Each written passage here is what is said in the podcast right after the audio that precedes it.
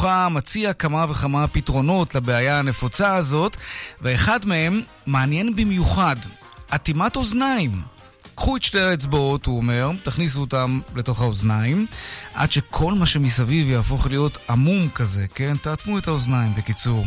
תעצמו גם את העיניים ותתרכזו בקולות העמומים שאתם שומעים במקום העבודה שלכם ותנסו לזהות אותם. תשחקו את המשחק הזה כמה דקות ואחרי זה אתם תהיו כמו חדשים. זה מה שדוקטור אדלונד מציע, בין היתר. אטימת אוזניים. הכי חשוב, תשתדלו לא לעשות את זה בדיוק כשהמנהל שלכם קורא לכם דחוף, כן? כאן צבע הכסף, מעכשיו עד חמש, העורך רונן פולק, מפיק צבע הכסף אביגל בשור, הטכנאי דני רוקי, אני יאיר ויינרב, בדואל שלנו, כסף כרוכית כאן.org.il, אפשר ליצור קשר גם בדף הפייסבוק שלנו, כאן ב'. מיד מתחילים.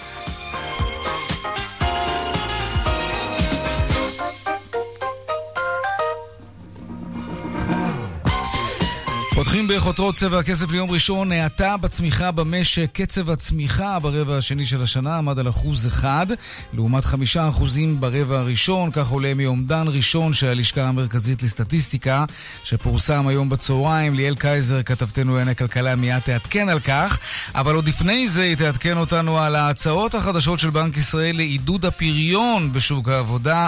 על הפרק, בין היתר, ביטול הלימודים בימי שישי, לא ככה, ליאל?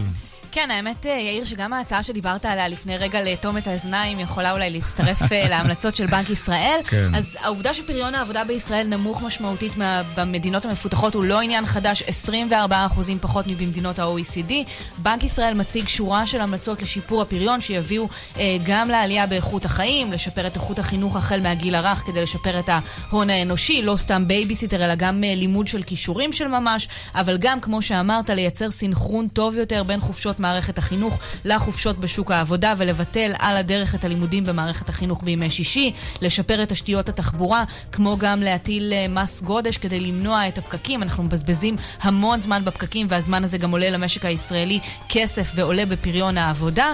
שר האוצר כחלון, אגב, מינה כבר ב-2015 ועדה שאמורה הייתה לעסוק בפריון במשק. עקבותיה של הוועדה הזאת עבדו, היא מעולם לא הגישה המלצות. Mm. בנק ישראל עכשיו מציג את ההצעה שלו לעניין, עוד חומר למחשבה מבחינת הממשלה החדשה. בהחלט. טוב, אנחנו נשתמע שוב ממש עוד uh, מעט. עוד בצבע הכסף בהמשך, כיצד טיפסה העיר חריש למובילה במכירת דירות חדשות? נדבר גם על כך. וגם משרד החקלאות יוצא בתוכנית חדשה לצמצום אובדן מזון של פירות וירקות. משפחה ישראלית ממוצעת, כך מתברר, משליכה להשפעה כ-4,200 שקלים בשנה על מזון שהם קנו ולא צרכו. לא חבל? חופשת הקיץ בעיצומה והמשפט ששומעים בימים האלו כמעט כל ההורים הוא אמא, אבא תקנו לי, אלא שהמחירים של האטרקציות השונות בהחלט עלולים להוביל אותנו לפשיטת רגל, אז כיצד בכל זאת אפשר לחסוך עם קופונים, מבצעים ואפילו ועדי עובדים? נדבר גם על זה עוד מעט, וגם הפינות הקבועות שלנו חיות כיס כרגיל כמדי יום בסביבות 4 ו-30, והדיווח היומי משוקי הכספים. אלה הכותרות, כאן צבע הכסף. מיד ממשיכים.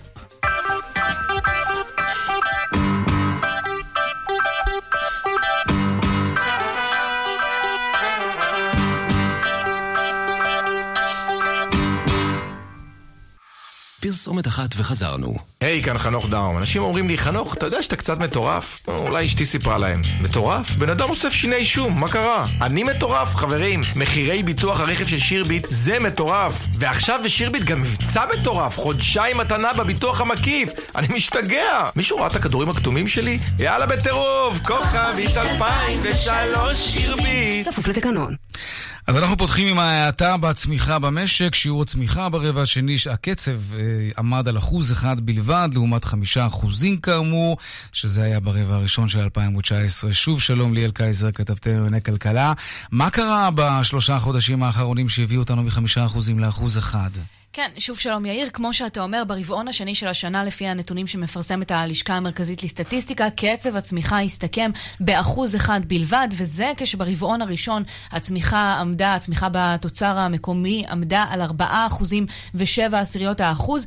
פער דרמטי, יאיר, mm-hmm. אבל האמת היא, לא פער מפתיע, הפער הזה אה, מבטא ירידה בהוצאה לצריכה פרטית, מבטא ירידה משמעותית, ירידה דרמטית ביבוא כלי רכב, שזו ירידה שהייתה צפויה. אגב, בנק ישראל ישראל התייחס... בגלל השינוי במיסוי או משהו נכון, כזה, נכון? נכון, ממש ככה. בנק ישראל עוד התייחס, עוד לפני פרסום הנתון הזה של הלמ"ס, שבנק ישראל לא חשוף אליו לפנינו, כבר התייחסו שם לנתון הצפוי ואמרו צפויה ירידה משמעותית. למה? כמו שאמרת, פשוט בגלל מה שנקרא שינוי בנוסחת המיסוי הירוק על כלי רכב, מהלך שהביא לכך שהמס על יבוא כלי רכב עלה בצורה משמעותית בחודש אפריל. יבואני הרכב ביקשו להקדים את העלייה הזאת, ולכן היבוא עלה ברבעון הראשון של השנה, מה שהגדיל את היבוא בצורה משמעותית. והגדיל את הצמיחה. בכמעט 6 כן. אחוזים, 5 אחוזים ו-7 עשיריות, וזה בעוד שברבעון השני של השנה היבוא עלה בסך הכל ב-2 אחוזים, ולכן נוצר פער דרמטי. בבנק ישראל ייחסו לנוסחת המיסוי על כלי רכב, לשינוי שלה, כבר 2 אחוזים וחצי מתוך הפער הזה.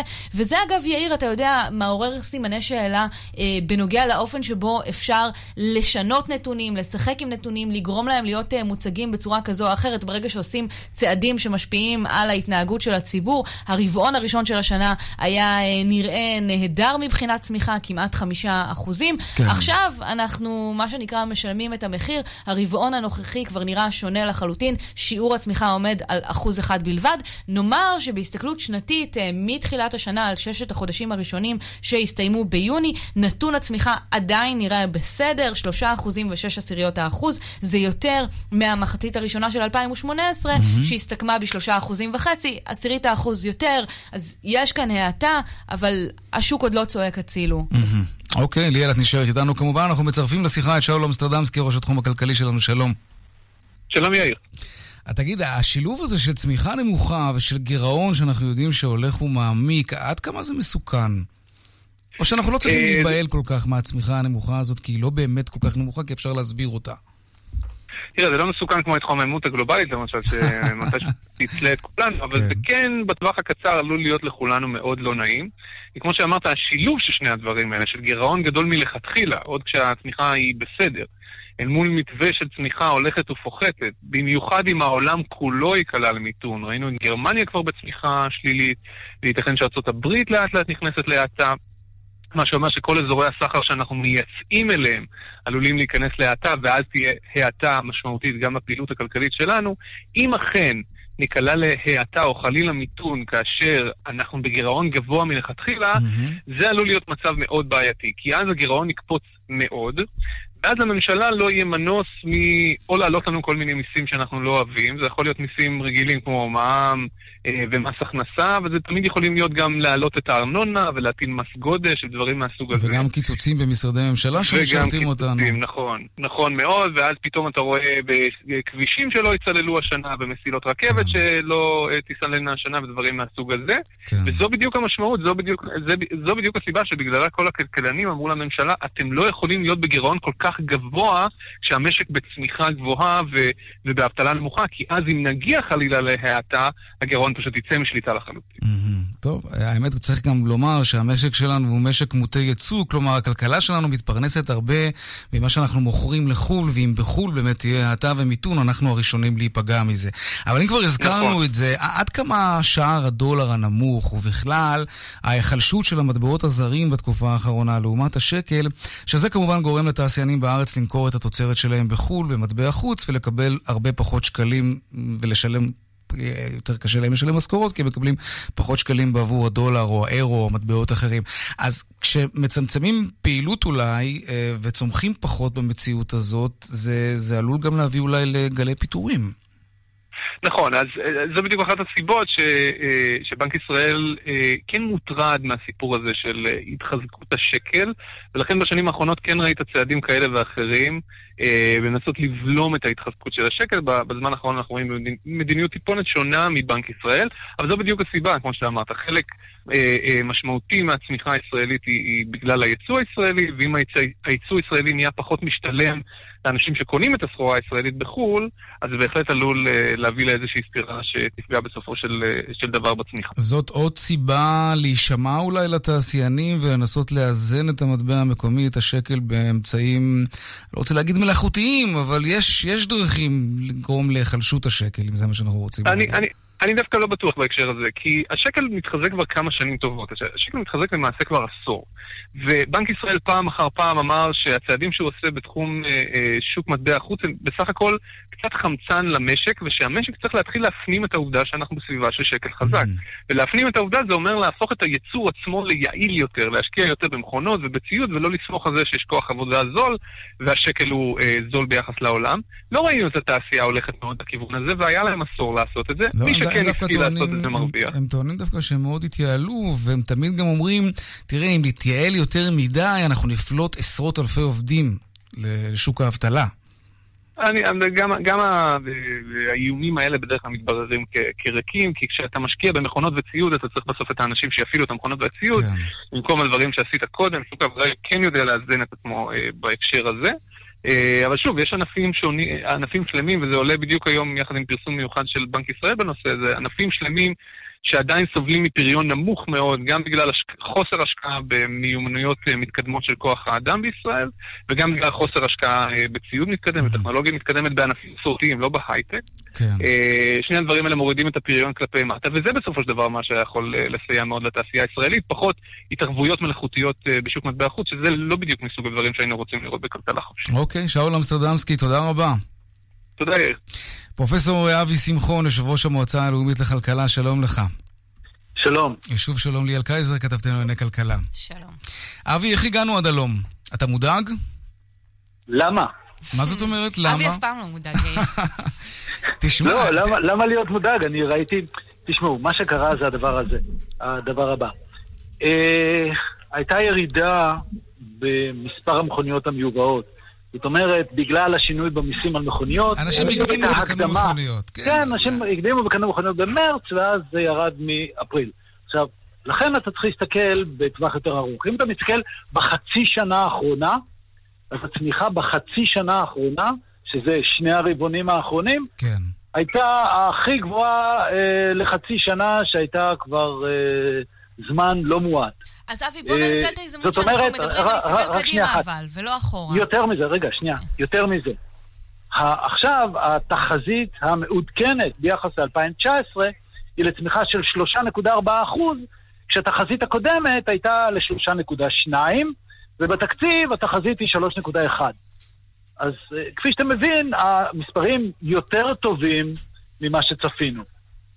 אוקיי, okay, אוקיי. ובהסתכלות קדימה, נאמר באמת בהסתכלות כן. חצי שנתית, המספר הוא 3.6, זה יותר טוב מהמחצית הראשונה של 2018, גם אמרנו את זה, אבל כשאתה מסתכל על מה שמתרחש בעולם, אתה רואה את מה שקורה בגרמניה, אתה רואה את אה, אה, מלחמת הסחר שמתעצמת בין ארה"ב לבין סין, השקל שלנו חזק. עכשיו נשאל, אתה מודאג? בוא, בוא נעזוב את הנתונים לא, שהתפרסמו היום. לא, אני לא מודאג. אני, אני לא מודאג ואני אגיד לך, אני אענה על אה, שני הדברים שאת אמרת, אני אתחיל מהסוף.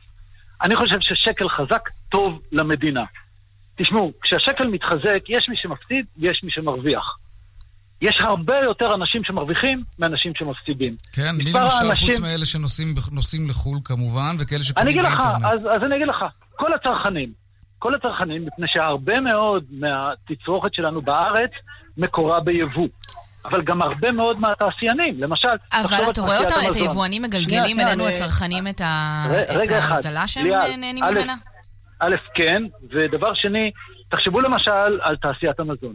תעשיית המזון לא מייצאת, אבל היא כן משלמת, העלויות שלהם בדולרים, מפני שהם קונים אנרגיה, כן, הם קונים חשמל, מים, דברים כאלה שנקובים בדולרים, חשמל נקוב בדולרים, הם קונים חומרי גלם שנקובים בדולרים, והם מוכרים בשקלים. זאת אומרת, תעשיית המזון למשל, שהיא המעסיק הכי גדול בתעשייה בישראל... אז אנחנו צפויים להורדת מחירים? זה מה שאתה מנסה להגיד? ההתחזקות של השקל טובה. רגע, אז אנחנו נראה הורדת מחירים? כן. בגלל חוזקו של השקל?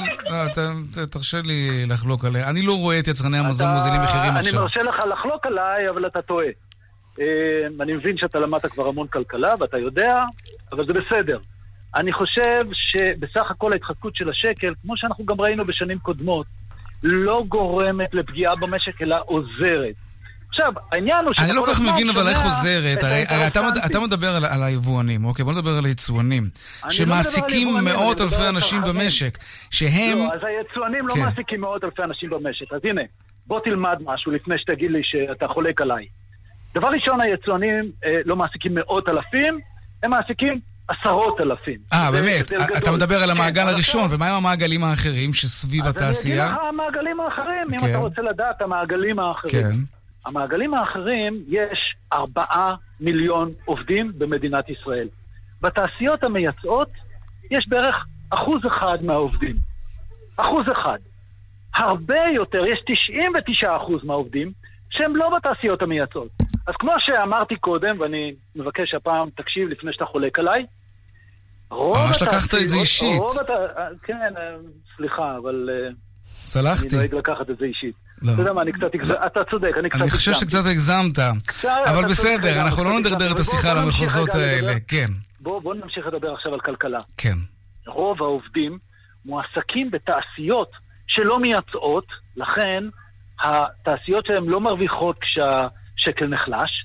לעומת זה, הם קונים דברים שנקובים בדולרים. לכן רוב האנשים שעובדים בתעשייה מרוויחים מהתחזקות השקל. עכשיו, כשהצרכן מרוויח, והצרכנים מרוויחים מהתחזקות השקל, נשאר להם יותר כסף, ואז הם קונים יותר מוצרים ושירותים שמיוצרים בארץ, שאלה עתירי כוח אדם, עתירי עבודה. ולכן אני לא סבור, ורוב הכלכלנים בעצם חושבים כמוני, ואתה יודע מה? אפילו שאול אמר לך את זה קודם, אני לא סבור שההתחזקות של השקל היא בעיה. ליאל? לא, האמת היא, האמת היא שאני נאלצת להסכים עם אבי, לא נעים.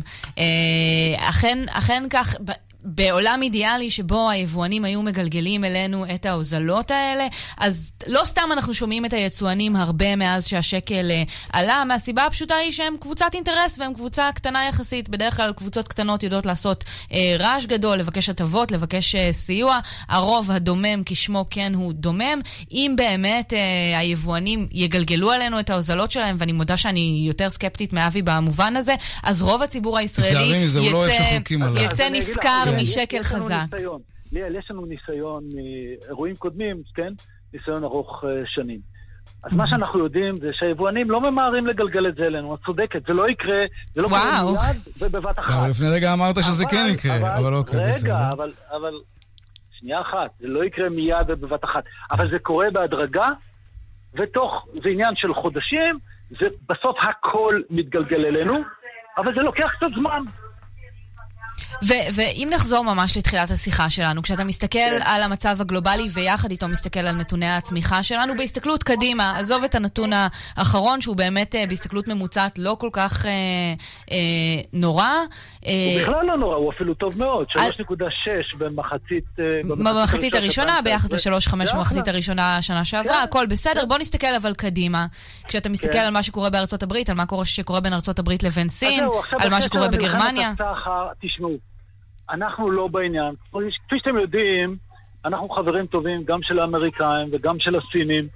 אה, אף אחד אה, לא מכוון עלינו את, ה, את המלחמה הזאת. למרות שהם דורשים, אה, הם דורשים מאיתנו להכריע בחברות הזאת. האמריקאים דורשים מאיתנו להגביל את המעורבות הסינית כאן. זה לא כל כך פשוט להיות חברים של שני הצדדים.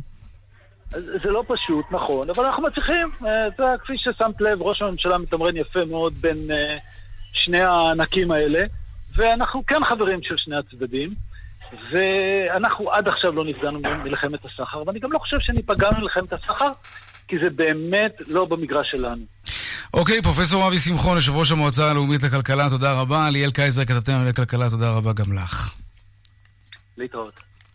טוב, עכשיו לנושא הבא שלנו, אה, נסיעות שיתופיות. כן או לא, אובר. שר התחבורה סמוטריץ' רוצה לנסות ולקדם שוב את כניסתה של אובר לישראל, או כל חברה אחרת שיודעת לעשות נסיעות שיתופיות.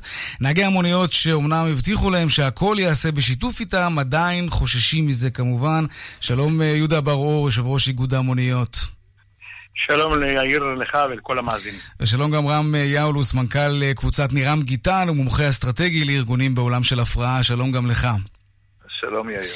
נתחיל איתך, יהודה בר-אור. מה אתה אומר? מה שאני אומר, שאנחנו מ-2016 הוכחנו בחד משמעית שאובר אין לה מקום פה, ואנחנו יכולים לתת את כל השירותים, ואובר, דרך בית המשפט, זז החוצה ולא יפעל בארץ ישראל. כי אובר לא סכנה רק לענף המוניות, הוא גם סכנה לביטחון מדינת ישראל. העסק שלו לא מפוקח, ואנחנו פה, יש לנו יותר מדי מוניות, יחסית לכל סדר אחר בעולם, שכמה על כל אלף משתמשים יש מונית אחת, ופה יש 9 מיליון תושבים ו-25 אלף מוניות, זה על כל 350 משתמשים יש מונית אחת, ולכן אין לנו, אין לנו צורך בשירות של אובר. אנחנו יודעים לתת השירת, את, את, את, את העניין הזה של... אולי לכם אין שום צורך, אבל אולי לציבור כן. גם לציבור אין, ברגע שאנחנו יקבעו ויעשו את מה שהובטח ומה שעבר בחוק, בוועדת הכלכלה ב-2017, שבו הוחלט שהנהגי מוניות, שהמוניות יעשו את התחבורה השיתופית והם ירידו את המחירים על תחבורה שיתופית בשילוב, בהסכמה של הנוסע, כיוון שהוא יוצא עד 50 אחוז מהנסיעה, לא כמו 20 ולא כלום, וכמובן המונה ייתן את המחירים והכל ייתן על ידי אפליקציות והכל מסודר, ואז הנוסעים יקבלו גם חשבונית לכל אחד בנסיעה, והכל יהיה חוקי וכסף שחור לא יזרום, ואנחנו חושבים שאנחנו מפוקחים, אנחנו עוברים את כל ההכשרות, חברה פרטית... כן, אבל לא אני עדיין לא מבין מה זה קשור לבין מה שאתה אומר, לבין להכניס שחקן חדש לשוק ההיסעים, נקרא לזה לא ככה, שהציבור יחליט, אתם תתחרו לא, בהם, הם יתחרו בכם, והציבור יחליט מה טוב בשבילו. אני מצטער, כשאנחנו שילמנו רבע מיליון שקל בשביל לקבל רישיון להסיע את הנוסעים, הציבור לא אמר לנו למה אתם משלמים רבע מיליון שקל. הציבור נהנה מהשירותים שלנו מקום המדינה, ואנחנו רכשנו בכסף מלא את הזכות להסיע אנשים. אנחנו לומדים דרך פיקוח, אנחנו עוברים קורס ולומדים את הלימודים בדיוק כמו נהגי אוטובוסים, רק עוברים טסט על מוניות, ואנחנו נותנים את השירות הכי טוב, הכי מקצועי והכי מפוקח במדינה. אנחנו נותנים את זה על פי מונה, על פי מחירון, ויש בעיה שחשבו שאולי רוצים להוריד את העניין הזה, שרוצים שפחות כלי רכב ייכנסו, כמובן שאם אתה תכניס 240 אלף פרייבטים ושיסיעו אנשים במקומנו, כפי שאובר רוצה, אז אנחנו, אז הכבישים יהיו מוצפים, הכל יהיה הפוך, במקום שיעזור, רק בכל מקום בעולם, מסוים שאובר הביאה פקקים ורק בלאגן בתוך הציבור הנוסעים. והם לא פתוחים אוקיי. ולא... רם יאולוס, רגע, רגע, רגע, רגע, יהודה. אנחנו, אנחנו הגשנו לא רק את המגמה שלנו נגד העניין, אנחנו גם הגשנו פתרון שעבר בוועדת הכלכלה ב-2017. מדינת ישראל עצרה את זה בגלל כל מיני אנשים שניסו לגרום לכך שלא ייכנס הטוב על הציבור, אחרת היינו מזמן מקילים על גודש התנועה, היינו נותנים פה, היינו נותנים פה שירות מעולה, אנשים היו חוסכים הרבה כסף, והתוכנית הזאת... טוב, יהודה, אה, רם יאולוס, רם, מה אתה אומר על ההתנגדות הזאת של אה, נהגי המוניות? מה הוא יכול להגיד? הוא בכלל... אבל יהודה, אני לא שואל אותך, אני שואל את רם. אה, מי הוא בכלל? לא יודע. רם, בוא תציג את עצמך. אהלן יהודה, קודם כן. כל נפגשנו כבר בעבר, בכנסים, וכבר דיברנו, וקראת לי קריאות ביניים במסגרת ההרצאה שלי, כך שאנחנו כן מכירים. אז אם אנחנו מכירים, סימן שאתה כל הזמן חותר לפגוע בנהגי מוניות, אני לא יודע למה. מה יש לך נגדנו, אני לא יודע. אני חס ושלום לא חותר לפגוע באף אחד. לא יודע אם אתה חותר תחת 44 אלף בעלי משפחות שמתפרנסים מזה, שיודעים להביא פתרון, אתה רוצה להכניס לנו מקלות לגלגלים, אנחנו לא ניתן לזה שני רגע, יהודה, תן לרם, אבל רם עוד לא אמר משפט אחד. רגע. אני חושב שזאת ההדגמה החיה. איך אנשים מתגוננים בפני תופעה שהיא כל כך הרבה יותר גדולה מהם. אנחנו לא מתגוננים, אנחנו מסבירים, מסבירים לציבור שאנשים כמוך, שיש להם תוכניות, אולי חושבים שהם עושים טוב, הם עושים רע. טוב, יהודה, עכשיו אולי תיתן לי גם להגיד שתי מילים, כי אתה תוקף בלי להבין בכלל את מי אתה תוקף. וכדאי לשים לב, כדאי לשים לב את מי אתה תוקף, כי יכול להיות שבדרך אתה מפספס תוקף אמיתי. וזה תמצית כל העניין. אנחנו לא, מדברים על שינויים, אנחנו מדברים, עכשיו אני אדבר. עכשיו אני אדבר. אנחנו מדברים על שינויים רחבים בהרגלי הצריכה ובפתרונות המגוונים שמוצעים לציבור. איומים על הפתרונות הקודמים שהיו לנו, כמו אוטובוסים בקווים, כמו מוניות שעובדות דרך תחנות, בין אם התחנות האלה באפליקציה דיגיטלית כזאת או אחרת כמו גט, או באמצעות רכבים פרטיים כמו אובר, זה רק סוג אחד של איום שיש על אה, גוף כמו נהגי המוניות. יש גם דברים אחרים. יש מעבר לנסיעות שיתופיות שהן לא באמצעות גוף מוסדר. והתופעה הזאת היא כבר רחבה מאוד, הם לא יודעים להבחין בה, כי אף אחד לא כותב עליה שלט כמו אובר. אבל נסיעות שיתופיות הולכות ועולות. ואפליקציות שהן אפליקציות של טרמפים כבר קיימות בשוק, פשוט לא מסתכלים על זה, כי זה לא מודל עסקי מוגדר ואין גביית כסף מוסדרת ואין רגולציה מתערבת, אז גם הרגולציה מפספסת, בוודאי נהגי המוניות. כלומר, רגע, יהודה, רם, מה שאתה אומר בעצם, רגע, רגע, יהודה. אתה אומר שנכנסו, אז למה זה לא פותר את הגודש? אני יכול לפתור את הגודש. אתה לא יכול לפתור את הגודש בסיפורי... אני לא פותר שום דבר. אני מסביר.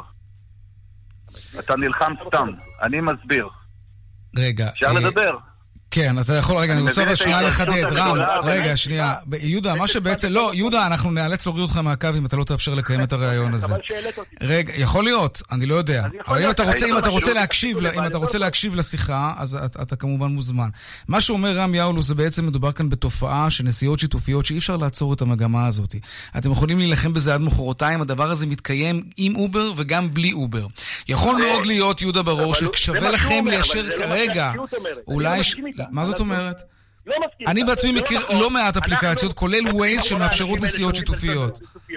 ואנחנו רואים שהם מעלימי מיסים, מרמים את המדינה, נוסעים נותנים שירות לא טוב לנוסעים, אין להם ביטוח, הם מסכנים את הנוסעים.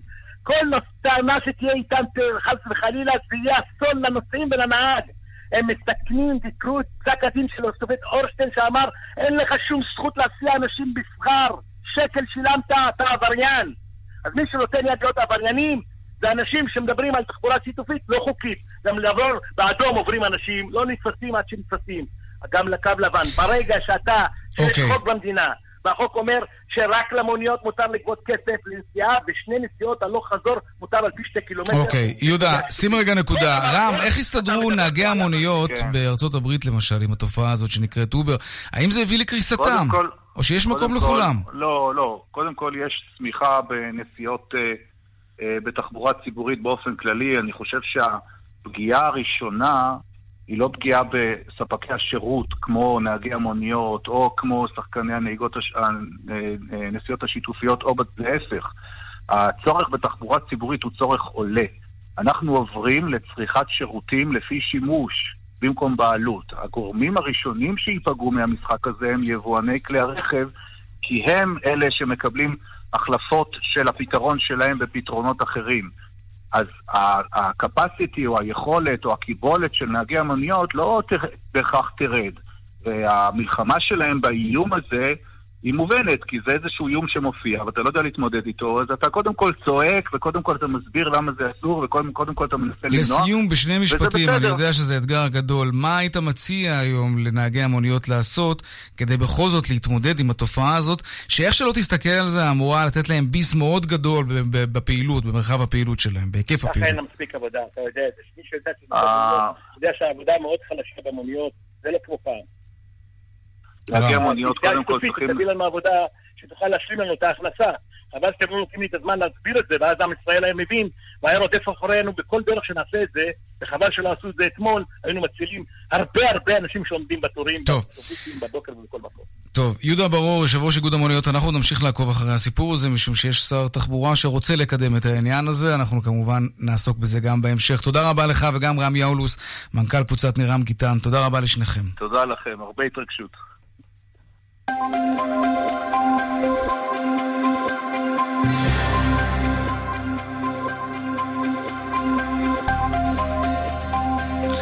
אלו הם הדיווחים מכאן, מוקד התנועה בדרך 6 צפונה עמוס ממחלף עירון עד יוקנעם ובדרך החוף צפונה עמוס ממחלף חוף השרון עד וינגייט ובהמשך ממחלף נתניה עד מכמור. דיווחים נוספים בכאן מוקד התנועה, כוכבי 9550 ובאתר שלנו, אתר התאגיד, אתר כאן, פרסומות ומיד חוזרים עם חיות כיס. מיד חוזרים עם יאיר ויינרב. שירביט שלום. היי, היי, זה חנוך דאום. תגידי, מה נסגר איתכם? אנשים לא עוזבים אותי, יש לי משפחה. את יודעת שאני ישן ברכב? סליחה? אני מבין שהורדתם את מחירי הביטוח, אבל כמה? בואו תחלקו מתנות וזהו, למה לא? יש, חודשיים מתנה בביטוח המקיף לרכב. וואלה? ואת יכולה לארוז לי את זה? יש לי אירוע בערב, ידידה ממג"ב. כוכבית 2003 שירביט. כפוף לתקנון. מולטיפוקל? זה גם מוצר בסיסי. עדשות מולטיפוקל עם מסגרת רייבן, בוס, לקוסט, ארמני ועוד שבמבצע. ב-888 שקלים בלבד. אופטיקה הלפרין, כפוף לתקנון. שלומי שבת ופבלו רוזנברג חוגגים יחד איתכם במופע המשותף. אמפי קיסריה, 31 באוגוסט, לכרטיסים כוכבית 2207 אוגוסט סייל בשטראוס מים. ברי המים תמי 4 עכשיו במחיר מיוחד. מהרו להזמין, ימים אחרונים למבצע. לפרטים כוכבית 6944 או באתר. בתוקף עד 22 באוגוסט 2019, כפוף לתקנון. מזכיר את הדירה שלך?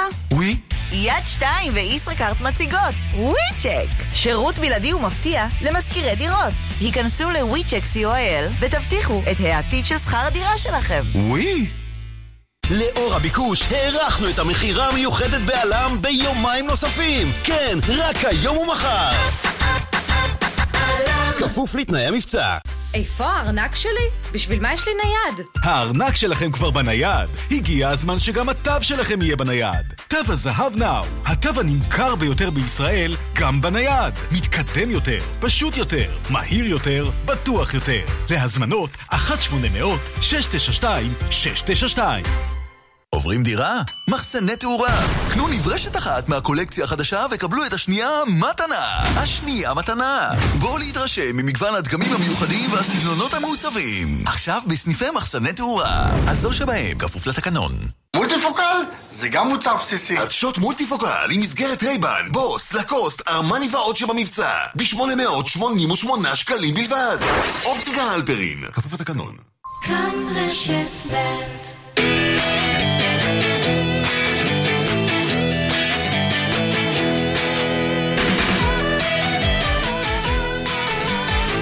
35 דקות אחרי השעה 4, חיות כיס עכשיו, אתם שואלים וחיות כיס עונות, ואפשר לשאול בטוויטר, השטג חיות כיס ללא רווח, וגם בדואר שלנו, כסף כרוכית כאן.org.il. היום שאלה מיוחדת של גור כיס, שון קוראים לו, למה גור כיס? כי שון הוא נער, והוא שואל כך: הלכתי עם אמא לקניות היום, הוא מספר, ונכנסנו לחנות עודפים של מותג מוכר, ושם היא מדדה שמלה שעולה עכשיו 50 שקלים, ושנה שעברה היא עלתה 700 שקלים. האם זה הגיוני? שואל שון. חברות uh, ענק גוזרות קופונים כאלה גדולים, מילא 100 שקל הנחה, אבל יותר מ-600 שקלים, האם זה באמת ככה? או שעל המדבקות של המחירים יש מחירים גבוהים בכוונה, כדי שאנשים יחשבו שזה מבצע ענק? או וזה משתלם? כך שואל שון, גור הכיס שלנו. שלום דנה פרנק, חיית הכיס שלנו. שלום, שלום. מה את אומרת לשון? אז זו באמת שאלה מעניינת, כי אנחנו לא יודעים כמה עולה לייצר את הדברים שאנחנו קונים. והרבה פעמים אתה באמת רואה מחירים שאתה אומר, אתה יודע, אנחנו גם רואים הרבה פעמים מבצע, 50 אחוז, ואתה כן. לא בטוח מה קורה שם מי בעצם. מי זוכר כמה זה עלה לפני המבצע? נכון מאוד. אז קודם כל יש פה שני צדדים. השאלה הראשונה היא באמת כמה קופון חוז... אה, גוזרות במרכאות חברות האופנה על הבגדים שהן מייצרות. אז באמת נזכיר שלייצר בגד, העלות של זה יכולה להיות מאוד מאוד מאוד, אה, בטווח מאוד רחב. אם אני מעצבת שמייצרת כמות מאוד מוגבלת של אה, חולצות לבית העסק היחיד שלי, העלויות נראות כמו דבר אחד, ואם אני חברה ענקית כמו אה, חברת H&M או חברת אינדיטקס העולמית שמחזיקה מותגים כמו זרה, העלויות שלי נראות אחרת לחלוטין. חברות האופנה הגדולות, גם חברות האופנה המהירה הישראליות, מייצרות במדינות העולם השלישי, בדרך כלל בבנגלדש, ושם השכר הממוצע בבנגלדש הוא 100 דולרים לחודש. זאת אומרת, שכר המינימום. זאת אומרת, כן. שם יכולות להרשות לעצמם להעסיק תופרות ותופרים שעובדים באמת בשכר שבמקומות שאנחנו מכירים לא היה תופס, ובאמת לייצר דברים מאוד מאוד זולים. כולנו מכירים או זוכרים את החוויה שאנחנו נכנסים בפעם הראשונה לרשתות האופנה המהירה. אתה יודע מה? לא כולנו, הוא גורע כיס מבינינו, לא. אבל אני ואתה כן, יאיר, את הפעם הראשונה שאתה נכנס לרשת אופנה מהירה ואתה אומר, חולצה בשני דולר? באמת? והתשובה היא כן. כן. כאשר עלות הייצור של החולצה היא כמה עשרות סנטים, אז כן, משתלם למכור אותה גם בשני דולרים. גם בזול וגם להרוויח מזה אפילו. נכון, אבל נזכור שהייצור הוא לא הדבר היחיד. מחיר החולצה משקלל עוד המון דברים אחרים. אפילו המוזיקה שאנחנו שומעים בחנויות משתכללת לתוך המחיר של המוצר שאנחנו קונים בסופו של דבר, אבל בנוסף על כך, משתכלל לתוך זה גם הנחת סוף העונה.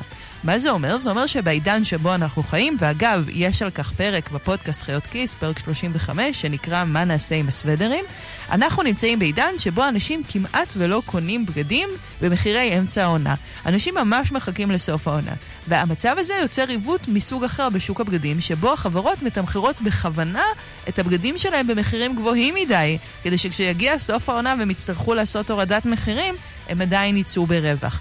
וכך, שני המצבים האלה מגיעים למצב מביאים אותנו למצב שמאוד מאוד קשה לנו להבין מה mm. באמת מחיר הבגד. נזכיר שיש כאן עוד משתנה מאוד מאוד חשוב, והוא אופנה.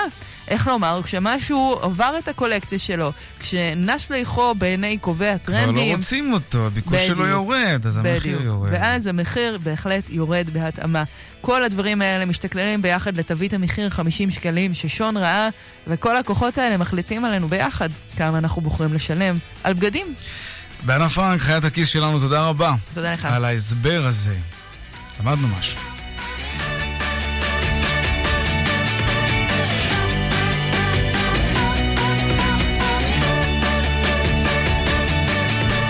עכשיו נשאל שאלה, מה קורה בחריש, מה קורה בבאר שבע? באר שבע מובילה במכירות דירות חדשות, המספרים זינקו שם ב-200% לעומת הרבע הראשון. גם בחריש חגיגה, עם זינוק של יותר מ-100% במכירת דירות קבלן. שלום טלי כהן, סמנכ"לית שיווק בחברת שפיר, מגורים ובניין, שלום לך. שלום גם לך. אתם בונים בחריש, נכון? אנחנו בונים את שכונת בית סבתא בחריש, כן. Mm-hmm. אותה שכונה מיוחדת שאנשים בעצם לוקחים חלק גם במתנ"ס ובמרכולים וכולי. כן, זה... אפרופו כן. השיחה השיתופית על המוניות שדיברת כן. מקודם, mm-hmm. אנחנו באמת בונים את השכונה השיתופית הראשונה בישראל. אה, זו שכונה מאוד מיוחדת, אה, כי קיבלנו הזדמנות לבנות אה, שכונה שלמה מאלף ועד תף, כולל את כל המבני ציבור, את כל הכבישים, את המדרכות, mm-hmm. את הפיתוח. אה, ואמרנו לעצמנו, אם יש לנו סוף סוף הזדמנות אה, לבנות לא רק את הבניינים האלה, גם להיות אחראים על הסביבה, אז בואו ניצוק תוכן אמיתי. כן, כן, אמיתי, טוב, ואז אנחנו בחרנו את העולם אחר. הזה של השכונה כן. השיתופית, כן. טוב, תגידי, אז מה קרה בחריש? יותר מ-100% אה, קפיצה, זינוק צריך להגיד, כן? ברכישת דירות קבלן, זו הייתה התעוררות ככה פתאום בחודשים האחרונים. גם אתם סבלתם קודם מהישיבה הארוכה של רוכשי הדירות על הגדר בחריש. תראה, נתוני הלמ"ס מוכיחים את מה שאנחנו היזמים וגם הקבלנים מרגישים בשטח כבר כמה חודשים. זה בעצם חזרה של הציבור לרכוש דירות. אם אני מסתכלת על חודש אפריל עד יוני האחרון, מיד אחרי הבחירות נמכרו 7,210 יחידות דיור, שזה בעצם עלייה של 2.8% לעומת שלושת, לעומת שלושת החודשים הקודמים. אה, בכלל בחריש יש התעוררות בתחום המכירות. אנחנו אה, מכרנו 270 יחידות דיור אה, בחצי שנה האחרונה. שזה בעצם הספק של כל הקבלנים בעיר לחמישה חודשים. אבל מה קרה פתאום? מי מצמץ קודם? את, אתם או רוכשי הדירות? כלומר, אתם הורדתם מחירים, או שהציבור החליט לשלם את מה שביקשתם כל הזמן? אנחנו לא הורדנו מחירים, אנחנו פשוט התחלנו את השיווק אה, בחריש בחודש ינואר, אה, אמצע ינואר האחרון. אנחנו רק חצי שנה נמצאים שם בשיווק. אה, וחריש, אה, כן, חריש היא עיר חדשה בישראל, עיר שהיא נותנת בעצם אלטרנטיבה לא, לזוגות צעירים. כן, אבל קרה משהו, גם את אמרת קודם בתחילת דברייך, שגם אתם הרגשתם את הישיבה על הגדר, ואז בחודשים האחרונים פתאום אנשים התחילו לרכוש דירות. אז אני תוהה, מה קרה למשל במקרה שלכם? אנשים פתאום באו וכן רכשו מכם דירות קבלן. למה? נכון. לא הייתה איזושהי התאמה של המחירים כלפי מטה, או שהציבור פשוט נכנע, והוא צריך לגור איפשהו. בהחלט. הציבור גם שבע מתוכניות כאלה ואחרות של שרי אוצר אה, אה, שבאים וכל אחד עם התוכנית החדשה שלו, אם זה היה יאיר, יאיר לפיד עם מע"מ אפס, ואם זה עכשיו אה, משה כחלון עם תוכנית כן, אבל הציבור גם רוצה שהקבלנים יורידו מחירים. זה לא קרה? לפחות אצלכם? לא הורדתם מחירים בכלל? מה שמשך את הלקוחות? זה לא רק שזה לא קרה, אנחנו רואים נתון ש... אה, השבוע במדד מחירי הדירות, שמצביע על עלייה של 1.4% במחירי הדירות בתוך שנה. Mm. זאת אומרת, הציבור שהבין שככל שהוא ימתין על הגדר, אה, המחירים רק ימשיכו לעלות, פשוט הפסיק להמתין וחזר ומצביע ברגליים ובא ורוכש דירות. אנחנו רואים את העלייה בכל הארץ, בכל המקומות, לא רק בחריש. Mm, תגידי, אנשים שעובדים במרכז, תל אביב, גבעתיים, רמת גן, דרום השרון, מה, מה זה אומר מבחינתם לגור בחריש ולהיות... אה, את יודעת, ולעבוד במרכז מבחינת התשתיות, תחבורה ציבורית, או הכבישים, פקקים, או שזה מיועד בעצם, מי, ש, מי שגר בחריש זה מיועד בעצם רק לאנשים שעובדים באזור. לא, ממש לא. חריש יושבת על כביש 6, שזה הציר, הציר התחבורה הראשי ביותר במדינה שלנו. אה, יציאה מכביש 6, מחריש לכביש 6 אורכת 6 דקות נסיעה. ואם אתה רוצה להגיע לתל אביב, בסך הכל 50 דקות ואתה נמצא בתל אביב. אני אתן לך לדוגמה, אני גרה בנתניה ואני נוסעת כל יום לפתח תקווה, לוקח לי שעה וחצי כל בוקר כדי להגיע לעבודה. אז דווקא מי שנוסע בחריש והוא נמצא על כביש 6, שיגיע יותר מהר ממני לתל אביב. מלבד זה כל אזורי התעסוקה... הוא גם ישלם על זה כמובן, כי הכביש הזה הוא כביש אגרה, אבל, אבל נגיד מי שגר בחריש וצריך להיות בשמונה במשרד בתל אביב, מתי הוא צריך לצאת? אני משערת שהוא יכול לצאת בסביבות אה, רבע לשבע ולהגיע אה, עם פקקים ואם אה, יש תאונה בכביש ואם יש כל תרחיש כזה שהוא אה, כן. הוא רוצה לקחת לעצמו מקדם ביטחון, אז ברבע לשבע, אם הוא יוצא מהבית, שזו שעה נהדרת, הוא יכול להגיע בלי בעיה בשמונה לעבודה. מעניין. אוקיי. אחרי שהוא שתה כוס קפה, כמובן. טלי כהן, סמנכ"לית השיווק בחברת שפיר מגורים ובניין, תודה רבה. תודה גם לך. אנחנו אה, לעניין הבא שלנו, שנה שעברה, אה, בדיוק בתקופה הזאת, היה אמור להתקיים בדרום, בפארק הבשור, פסטיבל של כדורים פורחים. אנחנו עוד מעט נדבר על זה, אבל לפני זה, אנחנו נדבר... רגע, רק שנייה. כן, כן, טוב, סליחה, אנחנו מתנצלים. היום מתקיימים שימועי הפיטורים של 30 עובדי מפעל אמיליה קוסמטיקס בירוחם.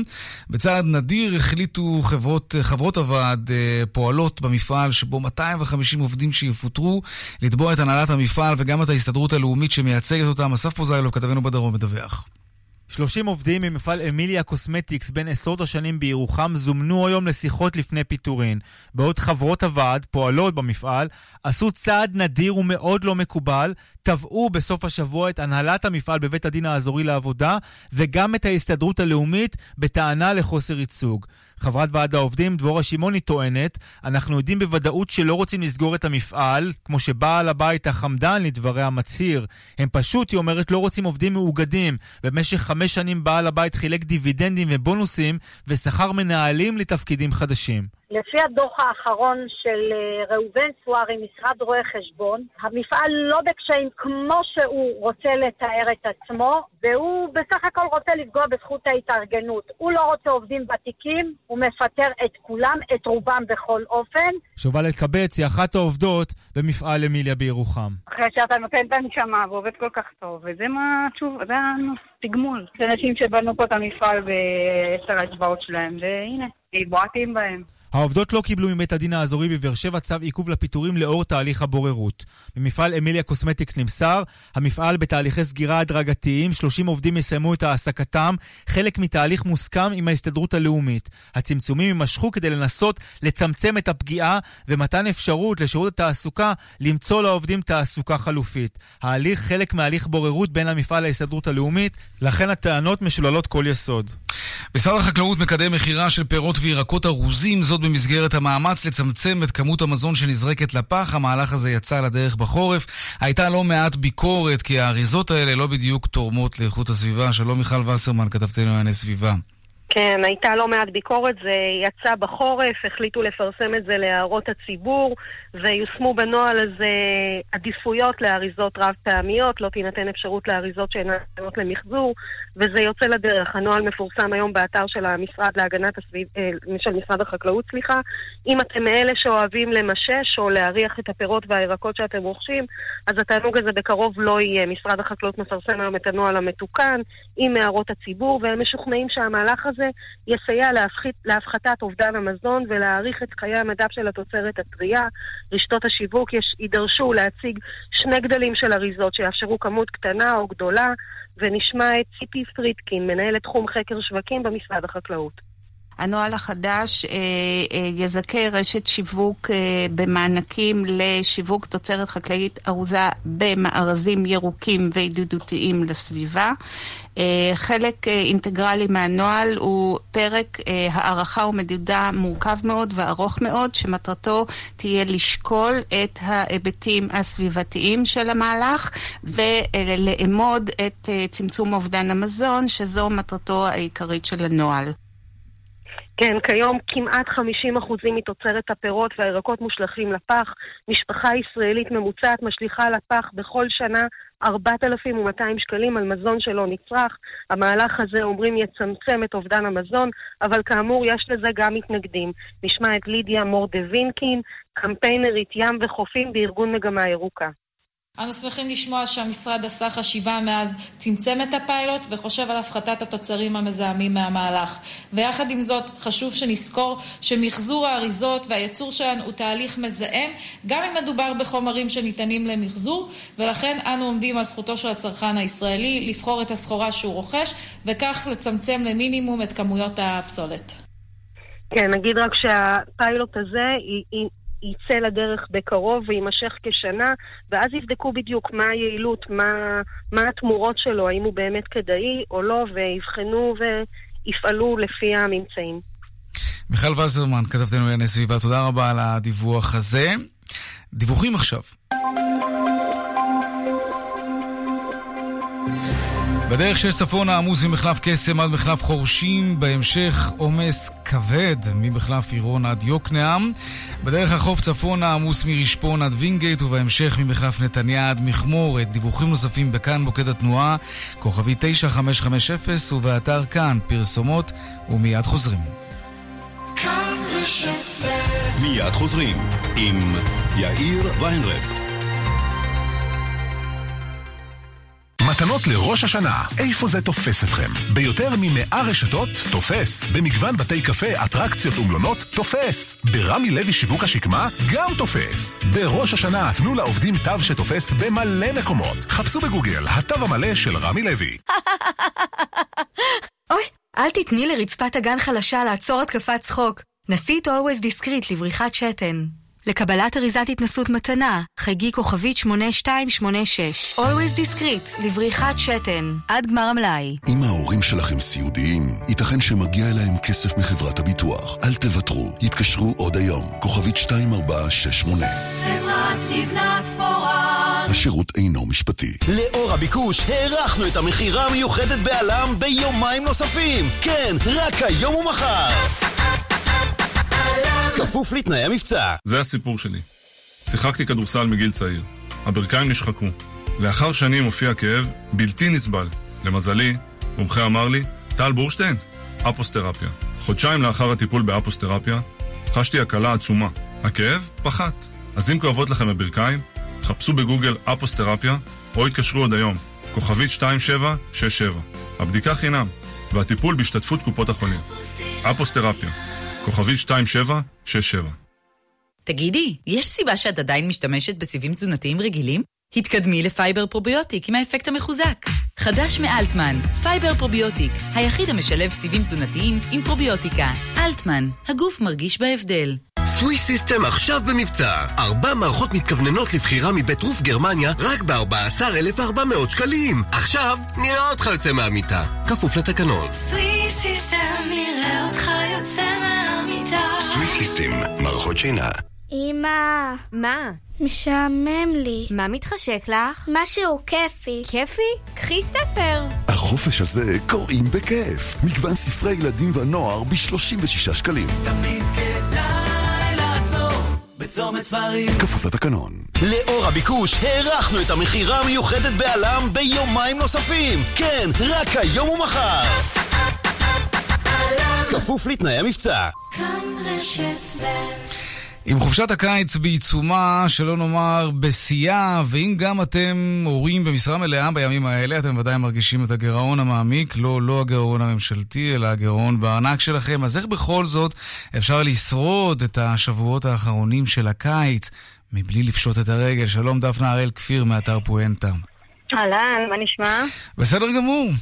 אמ, אני לא מאלה שסופרים את הזמן, סופרים לאחור, כדי שילדים לא, יחזרו, כי אני נורא נהנה מהם, באמת, אבל אבל זה יקר הסיפור הזה, צריך לומר, כן, כן. כן, טוב, כן, אז האטרקציות ברובן הן באמת יקרות, אפילו יקרות מאוד, אלא שכמעט תמיד, תקני אותי אם אני טועה, יש גם מבצעים של 1 פלוס 1, או הנחות של כרטיסי אשראי, או קופונים, וצריך רק לחפש את ההטבות האלה, נכון? נכון. להשקיע אז- אז טיפה בחיפוש, ככה, כן, בוא נגיד ככה, הכלל באמת הראשון זה לא להיות ספונטניים. אל תקומו בבוקר והופ, תקפצו לאיזה אה, אה, מתחם לגו, או אה, בפארק מים, הספונטניות היא, היא, היא ממש תהיה בעוכריכם. עכשיו, מבחינת אה, הנחות, אז באמת הדרך שאנחנו הכי רגילים אליה היא דרך חברות האשראי, אבל הן לא היחידות שמאפשרות. אגב, שם בדרך כלל, אה, אבל לא תמיד, זה באחד פלוס אחד.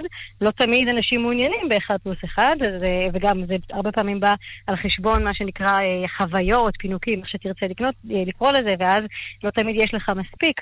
אז קודם כל בידקו בחברת האשראי, אבל קחו בחשבון שזו לא, לא הדרך היחידה. יש כמובן גם מועדוני צרכנות, אם אנחנו מדברים על אה, חבר ועל ביחד בשבילך, וכל מועדוני צרכנות שכל אחד מאיתנו מכיר, אז זה הזמן ממש לבדוק היטב, להיכנס לאתרים של אותם אה, מועדונים ולבדוק לפעמים, ואפילו במקרים רבים, הם יותר זולים מהצעות שאפשר להשיג דרך חברות האשראי. ויש גם לפעמים אה, עוד דרכים, למשל בעמודי הפייסבוק של חלק מהאתרים.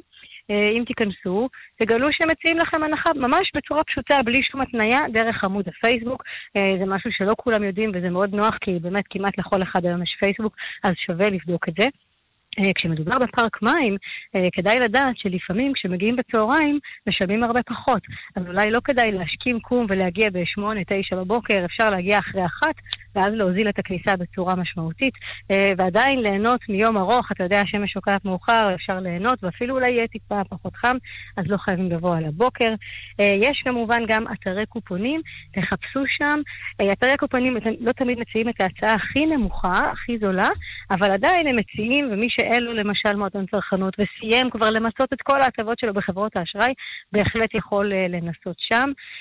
אתה יודע, יש גם בילוי חינמי שנקרא ים, אנחנו עדיין ממליצים את זה לאנשים, לא כדאי לשכוח את זה. הייתי בשבת, היה מדהים. ים פלטה היה, כן. בדיוק, אפשר לקחת את הילדים לים. יש כאלה שלמשל אה, מעדיפים להגיע לקניון, כי שם יש הרבה לכאורה אטרקציות בחינם, אבל קחו בחשבון שכמעט כל ביקור שלכם בקניון לצורך אה, אטרקציות חינם יסתיים באיזושהי הרצאה.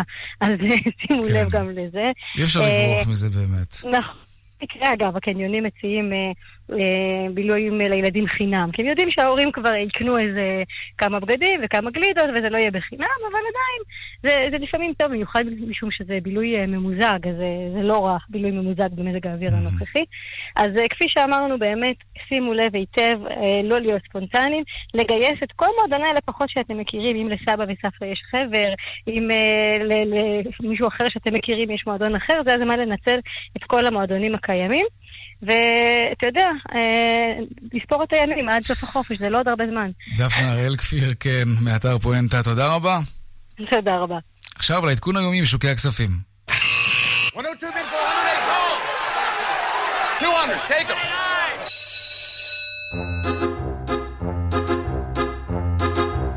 שלום רונן מנחם, כלכלן ראשי בבנק מזרחי טפחות. שלום יאיר. מה עשו ניירות בתחילת אה, שבוע המסחר? טוב, אז אם הים כחול, אז הבורסה ירוקה. היום אה, עלייה של 36 מאיות האחוז בתל אביב 125. אה, ירבו לעלות טלטק ביומט, 1.6-1.8 אחוזים כל אחד. למעשה כל, מדדי המניות אה, עלו היום והיה יום די מוצלח. בשוק אגרות החוב ראינו גם כן מגמה של עליות באפיק לא צמוד, בהשפעת המדד של חודש יולי שהיה נמוך מהצפי ופורסם כבר ביום חמישי. ובתחום המאקרו ראינו נתון של צמיחת המשק ברבעון השני של השנה של כאחוז אחד, אבל הנתון בניכוי יבוא כלי רכב עלה שלושה אחוזים, וזה בהחלט נתון אה, מעודד מבחינת אה, המשק. בשוק אה, המטח לא היה מסחר היום, אבל ביום שישי הדולר, השקל פוחת 0.6% כנגד כן. הדולר, 3 שקלים, 54 אגורות ועשירית האגורה. רונן מנחם, תודה רבה על העדכון הזה משוקי הכספים. עד כאן, צבע הכסף ליום ראשון, העורך רונן פולק, המפיק אביגל בשור, הטכנאי דני רוקי, הצוות בבאר שבע, אורית שולס ושמעון דוקרקר, אני יאיר ויינרב, מוזמנים לעקוב גם בטוויטר הדואל שלנו, כסף כרוכית כאן, נקודה org, נקודה il, מיד אחרינו כאן הערב עם רן בנימיני ויגאל גואטה. ערב טוב ושקט שיהיה לנו שבוע טוב. שלום שלום.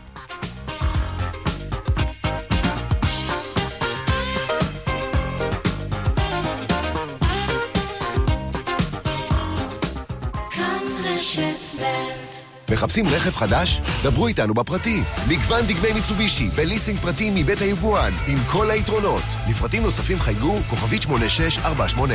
כפוף להוראות ההסכם. אי עמידה בפירעון ההלוואה עלולה לגרום חיוב וריבית פיגורים והליכי הוצאה לפועל. אוגוסט סייל בשטראוס מים. ברי המים תמי 4 עכשיו במחיר מיוחד. מהרו להזמין, ימים אחרונים למבצע. לפרטים כוכבית 6944 או באתר. בתוקף עד 22 באוגוסט 2019, כפוף לתקנון. המפלגה שלכם אינה ממריאה בסקרים? עד 350 דולר הנחה למגוון יעדים בעולם באשת טורס לחברי קואליציית פאוורקארד. פאוורקארד, קואליציית מותגים חזקה בישראל. כפוף לתקנון. שלום, כאן שרגא ברוש, נשיא התאחדות התעשיינים. הגיע הזמן שמדינת ישראל תלמד מהחזקות שבמדינות העולם, תחזור להעדיף ייצור מקומי ישראלי ותעודד הקמת מפעלים חדשים. כי בלי תעשייה חזקה, אין כלכלה בריאה. בעלי עסקים, בלאומי, מזמינים מראש פגישה עם בנקאי בסניף בזמן שנוח לכם. היכנסו לאתר או לאפליקציה יישומון וקבעו פגישה בכל אחד מסניפי העסקים של לאומי. לאומי עסקים, זמינים בשבילכם בכל הערוצים. לאומי איתך. יגאל. כן, מני. בדקתי בעניין כלי רכב לעובדים, צריך להגדיל תקציב. מחירים וידאת? כן. תנאים, השווית? בוודאי. ובאופרייט בדקת? אה, זאת אומרת, דודה שלי, כאילו... האקווריום ב... לא בטוח? תהיה בטוח! לא סוגרים לפני שבודקים באופרייט. ליסינג תפעולי אמין ומשתלם ביותר. חייגו לאופרייט, הילדים הטובים של עולם הרכב. כוכבית 5880. כאן רשת ב' רן בנימיני ויגאל גואטה. כאן רשת ב'